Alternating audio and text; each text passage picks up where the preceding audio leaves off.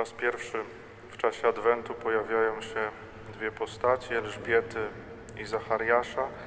Jeszcze w najbliższych tych kilku ostatnich dniach Adwentu będziemy czytać fragmenty Ewangelii, w których jeszcze będzie mowa o Elżbiecie i o Zachariaszu. Łukasz dzisiaj podaje nam dwie bardzo istotne e, i ważne informacje e, o nich, mówiąc, że to są ludzie, którzy byli sprawiedliwi, którzy postępowali nienagannie, którzy przestrzegali wszystkich przykazań i przepisów prawa. E, ale podaje też jeszcze drugą informację, mówiąc, że to jest też małżeństwo, które nie miało potomstwa, nie miało, nie miało dzieci. Elżbieta była niepłodna.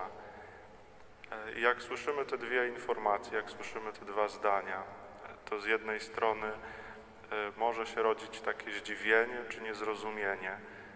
Jak to, skoro ludzie, którzy są tak bogobojni, sprawiedliwi, którzy nie przekraczają prawa w żadnym najmniejszym wymiarze, tylko spełniają wszystkie przykazania, przepisy prawa, e, są ludźmi, którzy boją się Boga, doświadczają właśnie takiej sytuacji, która w tamtych czasach, w tamtym kontekście kulturowym jest bardzo wyraźnym znakiem braku Bożego błogosławieństwa.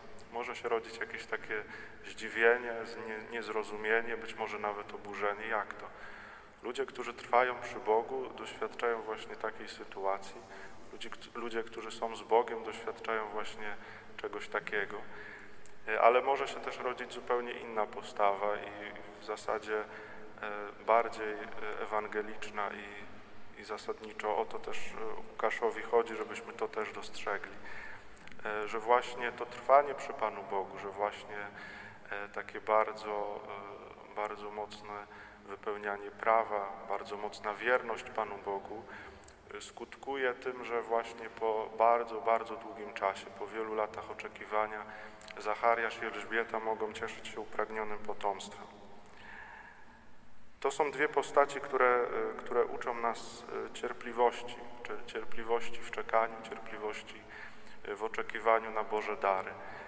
Czasami w naszym życiu jest tak, że możemy się czegoś spodziewać, że możemy na coś czekać, że możemy liczyć na coś od Pana Boga, myśląc, że to jest właśnie odpowiedni, adekwatny czas, żeby Pan Bóg zesłał nam na jakieś dobro, żeby nas obdarzył jakimś dobrem.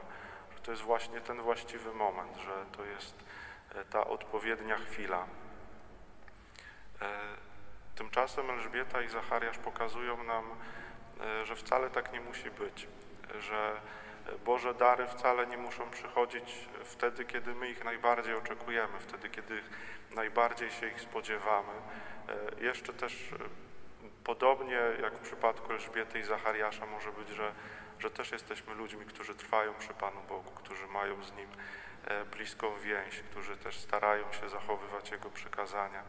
E, więc to oczekiwanie, to spodziewanie się e, odpowiednich Bożych darów we właściwej chwili może być w jakiś sposób też przez naszą postawę bardziej wyczekiwane, bardziej natężone.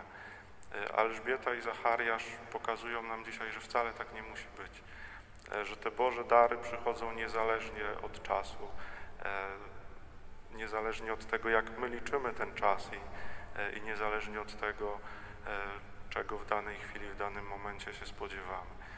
Oni uczą nas dzisiaj cierpliwości, cierpliwości w oczekiwaniu na Boże dary.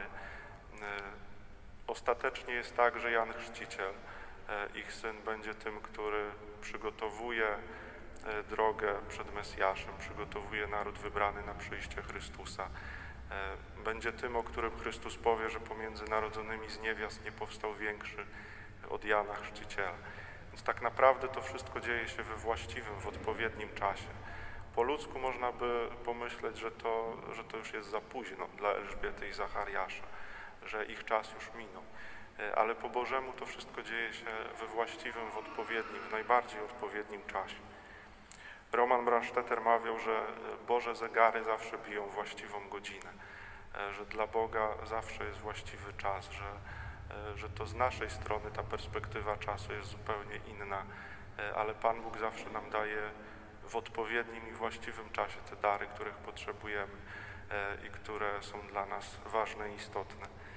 Módlmy się dzisiaj o to, abyśmy potrafili e, czekać na Boże dary. Módlmy się o postawę cierpliwości e, w oczekiwaniu na Boże dary i o postawę ufności, e, że Pan Bóg zawsze nas obdarza tym, czego najbardziej e, w danej chwili, w danym momencie potrzebujemy.